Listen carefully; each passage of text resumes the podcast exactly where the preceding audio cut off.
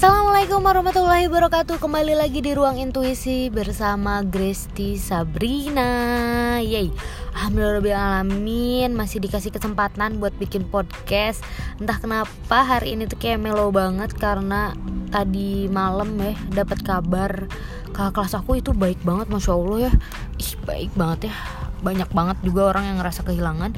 Beliau dikabarkan meninggal dalam pelatihan Wanadri Pelatihan cinta alam gitu ya Wanadri itu. Ih baik banget soalnya dan kayak nggak nyangka gitu. Dia tuh masih muda belum menikah juga terus udah meninggal gitu. Jadi kita tuh emang nggak tahu ya jodoh kita teh lah kok ke jodoh? Jodoh kita tuh jodoh uh, suami kita dulu atau kematian dulu gitu. Emang benar-benar kematian itu reminder ter terampuh untuk ngingetin lagi udah sejauh mana nih kita di dunia ini gitu. ngomong-ngomong tentang dunia apa sih sebenarnya esensi kita hidup di dunia? Pernah nggak mikir kayak gitu? Nah nyambung sebenarnya sama podcast yang bakal kita bahas kali ini tentang minhajul hayah atau yang aku tahu sih artinya tuntutan hidup ya. Jadi pokoknya segala sesuatu tentang hidup gitu ya. Jadi sebenarnya kita tuh hidup tuh buat apa sih apa sih yang kita kejar di hidup itu apa sebenarnya yang perlu kita kejar? Misi kita hidup tuh apa sebenarnya? Buat apa? Kenapa kita diciptakan gitu? Kayak gitu-gitu pernah gak sih kalian ngalamin kayak gitu? Kalau aku itu beberapa kali ya ngalamin pertanyaan-pertanyaan kayak gitu. Salah satunya tuh kalau lagi down lagi bener-bener ngerasa useless ngerasa nggak kuat sama cobaan hidup iya lebay. Terus kayak kadang suka mikir ih ya udahlah buat apa aku hidup teh? Buat apa? Kenapa aku harus hidup? Itu tuh suka mikir kayak gitu gitu atau kadang juga lagi ngeliat orang-orang nih lagi merhatiin orang-orang. Ada orang yang bener-bener kayaknya gitu ya kalau aku lihat tuh dia kayak tujuan hidupnya itu untuk mencari uang gitu. Kayak kayak ambisius banget gitu buat nyari uang tuh bener-bener segala cara dia lakuin entah itu halal atau haram. Kayak gitu. Atau lagi merhatiin orang ada juga yang ngejar jabatan. Ada juga yang ngejar kecantikan misalnya kayak bener-bener segala sesuatu tuh dilakuin demi kecantikan. Ada juga yang demi popularitas.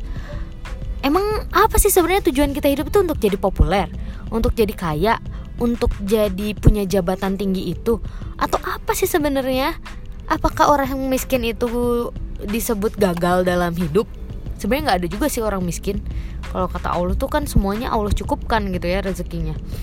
Atau orang yang tidak populer itu uh, itu tuh gagal dalam hidup di dunia. Kan gimana gitu? Aku juga nggak tahu gitu kan. Nah ternyata Islam itu udah ngatur semuanya termasuk tentang tuntutan-tuntutan kita hidup itu tuh apa aja sih? Ketika kita hidup itu tuh kayak ibaratnya tuh kamu uh, beli robot si robot ini tuh mau dilakuin kerjanya apa aja atau si robot ini tuh bisa ngelakuin apa aja tuh ada di buku panduannya gitu kan ya dan apa gitu.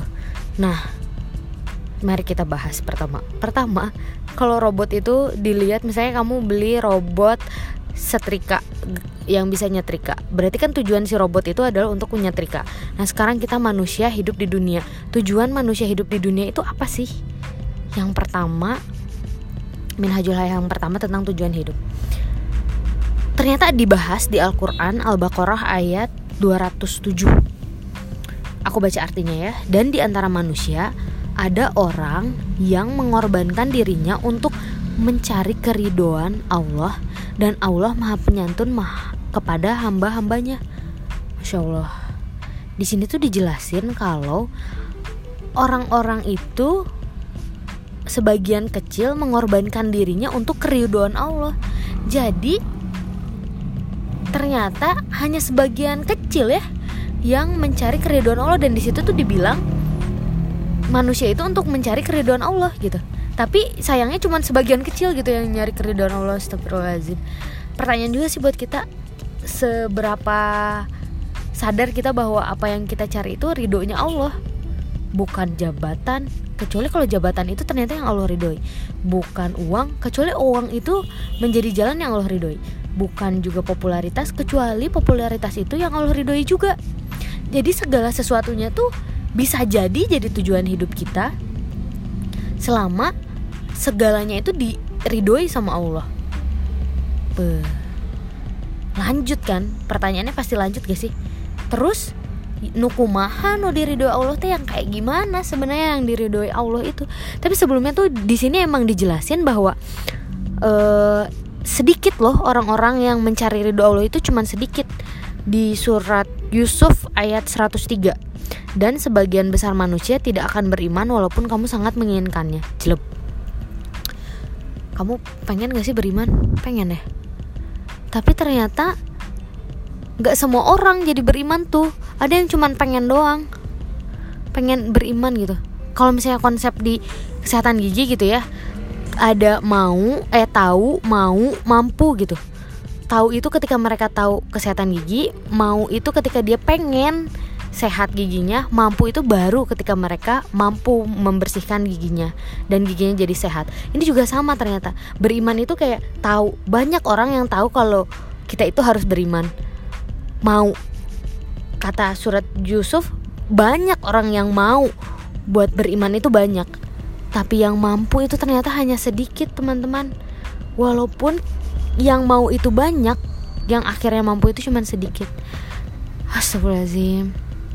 Kita udah nyampe mampu belum ya? Ya Allah sedih. Lanjut ya tadi dibahas jadi siapa sebenarnya orang-orang yang Allah ridhoi itu sebenarnya yang yang kayak gimana sih? Di sini ada di surat Al-Maidah ayat 3. Kalian kalau sambil ngecek juga boleh nih, aku juga sambil ngecek. Al-Maidah ayat 3 artinya pada hari ini telah kusempurnakan untuk kamu dinmu dan telah kucukupkan kepadamu nikmatku dan telah kuridoi Islam itu jadi din bagimu. Jadi yang Allah ridhoi itu ternyata orang yang menjadikan Islam itu sebagai din atau aturan hidup kita gitu. Jadi dia hid, uh, lahir Islam besar Islam menikah Islam meninggal juga Islam gitu. Ternyata yang kayak gitu gitu. Jadi masuk Islam secara kafah istilahnya. Apakah kita sudah kafah? Pertanyaannya apakah kita sudah menjadikan Islam sebagai aturan hidup kita secara keseluruhan? Ya Allah astagfirullah ini muhasabah lah. Bukan cuman buat teman-teman gitu buat aku juga ini muhasabah banget ya Allah. Sedih banget kayaknya tuh masih banyak nakalnya gitu. Jangan jangankan yang besar besar di amalan yang besar besar amalan amalan yang sederhana kayak uh, minum sambil berdiri gitu atau apa ya uh, baca doa mau tidur makan kayak gitu gitu apakah kita pernah ngasih ke skip gitu? Kayak gitu kan kayaknya atau bilang ini yang paling berat nih bilang ah ke orang tua ah mama mah ah bapak mah kayak gitu kayaknya masih apalagi kalau tinggal satu rumah sama orang tua tuh kayak godaannya innalillahi besar sekali untuk bisa bentak-bentak atau berantem gitu ya konflik sama orang tua tuh uh, besar banget kayak gitu. Ya Allah astagfirullahaladzim. Kayak gitu. Nah sekarang kebalikannya coba kita lihat. Kalau orang yang nggak Allah ridhoi ya emang kebalikannya itu orang-orang yang emang dinnya atau aturan hidupnya itu bukan Islam bukan cuman artinya agama dia Islam doang ya tapi dia tuh beragama Islam tapi aturan hidupnya itu tidak Islam gitu. Mungkin termasuk juga ya ke ke golongan yang ini gitu ya. Dan semoga bukan kita gitu salah satunya gitu ya ya Allah. Dan kalaupun emang kita yang sekarang ngerasa kayak gitu semoga detik ini kita mulai berubah. Itu ada di Al-Quran Al-Imran ayat 85 Barang siapa mencari din selain Islam, maka sekali-kali tidaklah akan diterima daripadanya dan dia di akhirat termasuk orang-orang yang rugi. Semoga kita bukan orang-orang yang kayak gini gitu. Kadang suka gini gak sih? Suka galau gitu. Aku tuh kayak aku tuh kalau ngerasa banget gitu sadar gitu kalau Islam eh kalau surga itu kayak belum dijamin gitu buat aku gitu ya kan kalau misalnya zaman Rasulullah itu banyak loh orang-orang atau sahabat-sahabat yang dijamin Islam atau Rasulullah sendiri deh dijamin surga. Bukan dijamin Islam tadi maaf salah. Dijamin surga gitu sama sama Allah gitu. Tapi apa coba yang Rasulullah lakuin? Tetap tahajud sampai kakinya bengkak berdarah-darah. Tetap beribadah se mampunya beliau gitu ya semaksimal yang beliau bisa gitu kita aja belum dijamin surga tapi kok gini gitu ya? Mungkin karena makanya gitu Allah menjamin surga itu ke orang-orang yang emang beribadahnya tuh ikhlas gitu ya. Mau dikasih surga mau enggak ya tetap akan ibadah kepada Allah gitu ya. Kayak gitu kali ya ya Allah. Dan mereka tuh ngedapetin jaminan tapi masih tetap ibadah gitu ya. Tapi kita juga nggak nggak mau kan kalau masuk neraka gitu. Ya Allah. Lanjut. Iya tadi udah sampai mana ya? Nah oh ini nih nih pertanyaannya ya kenapa sih emang emang kenapa kita harus jadiin tujuan hidup kita itu keriduan Allah gitu ya? Yang tadi kenapa nggak kita ini aja tujuan hidup kita uang aja atau popularitas aja lah atau kecantikan aja lah? Kenapa? Nah ternyata di sini ada di al ikhlas kulhuwallahu ahad itu ayat 1 dan 2 dialah Allah yang maha esa tempat bergantung segala sesuatu Ya karena segala sesuatu itu terkan, tergantung pada keriduan Allah. Jadi ya kita kejar ridhonya Allah itu gitu langsung ke pusatnya gitu yang kita kejar gitu. Jadi kalau misalnya apa ya yang bisa ngelolosin kamu UN itu ternyata cuman nilai bahasa Indonesia doang harus 10 sedangkan kalau nilai-nilai yang lainnya itu cuman uh, tambah-tambahan aja yang bakal kalian kejar itu yang mana ya yang bahasa Indonesia lah biar dapat nilai 10 biar lulus gitu. Kayak gitu mungkin ya. Atau nggak nyambung ya pokoknya intinya e, ibaratnya cabang-cabang cabang si cabang-cabang itu punya pusat gitu.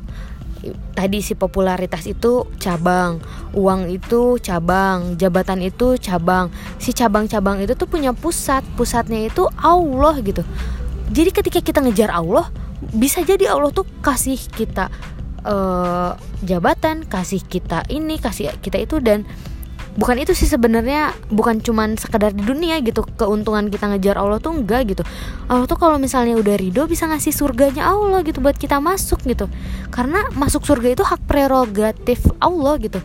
Ya istilahnya mah suka-suka Allah gitu siapa aja gitu nggak ada yang tahu kan. Bisa jadi yang ibadahnya banyak dan sebagainya tapi ternyata ria kebakar uh, amalannya ya Allah alam lah atau orang yang mm, kelihatannya dia bandel-bandel tapi uh, di akhir hayatnya itu dia tuh bertobat bener-bener tobat gitu kan. Dan Allah ridho sama itu kan Allah alam ya. Aku juga nggak tahu itu Allah alam gitu semuanya. Mm jadi ya kalau misalnya yang ternyata yang menentukan hidup kita itu atau tujuan hidup kita itu adalah keriduan Allah karena segala sesuatu yang ada di dunia di akhirat di mana pun itu semuanya itu ada di tangan Allah ya berarti yang kita kejar siapa? Keridoan Allah itu ya. Ke ke ridho tuh kayak apa ya? Ke keseneng bukan ya? Aku, aku takut salah juga deh ngertiin. Pokoknya kayak ridho lah ridhonya Allah gitu yang kita cari ternyata. Dan tadi biar bisa dapetin ridhonya Allah itu dengan apa? Dengan melakukan menjalankan aturan-aturan Islam itu sebagai uh, keseharian kehidupan kita ternyata. Gitu. Jelek. Udah sampai mana nih kita? Kalau misalnya kita kematian balik lagi tadi soal kematian uh, waktu kita itu tinggal sebentar lagi kita udah sejauh mana ngejar keridoan Allah mencuri hatinya Allah gitu biar biar suka sama kita tuh kita udah seberapa banyak gitu. Apa kita tuh terlalu caper sama cowok misal terlalu caper sama atasan terlalu caper sama suami sampai lupa caper sama Allah gitu. Padahal yang milik yang punya suami yang punya jabatan yang punya atasan itu tuh Allah gitu dan yang punya surga gitu tujuan akhir kita terminal akhir kita itu gitu. Allah. Jadi ternyata yang perlu kita kejar itu hanyalah Allah gitu hanyalah keridoannya Allah gitu. Semoga uh, podcast ini bisa jadi reminder kita bersama sih. Bukan berarti aku udah ya udah bener-bener saklek oke okay, solehah gitu ya. Belum aku juga masih kayak struggling banget gitu ya sama sama keistiqomahan gitu gitu kak. Karena kalau misalnya di podcast pertama ngebahas hijrah ternyata yang berat itu istiqomah teman-teman. Ya Allah. Emang berat banget dan emang karena surga itu mahal gitu. Kalau surga murah mah nggak akan ada orang yang yang apa yang berjuang untuk surga gitu. Karena surga itu mahal makanya kita perlu berjuang gitu. Dan kalau di perjalanannya begitu terasa sulit ya sadarilah karena memang surga itu mahal dan kita harus terus berjuang gitu untuk itu gitu. Ya segitu sih Minhajul Hayah part pertama. Karena ada enam part nanti ada enam poin maksudnya tentang tuntutan hidup tentang Minhajul Hayah. Nanti akan kita bahas di podcast selanjutnya. Mungkin tiap Jumat akan agak sesi-sesi religi gitu ya mungkin. Kita lihat saja nanti keberlangsungan podcast ini thank you for listening. Kalau misalnya kalian nanti di surga nggak nemu aku tolong dicari ya. Gresti gitu yang bikin podcast gitu ya. Tolong dicari ditarik biar bareng-bareng sama kalian. Terima kasih. Wassalamualaikum warahmatullahi wabarakatuh dari saudaramu Gresti Sabrina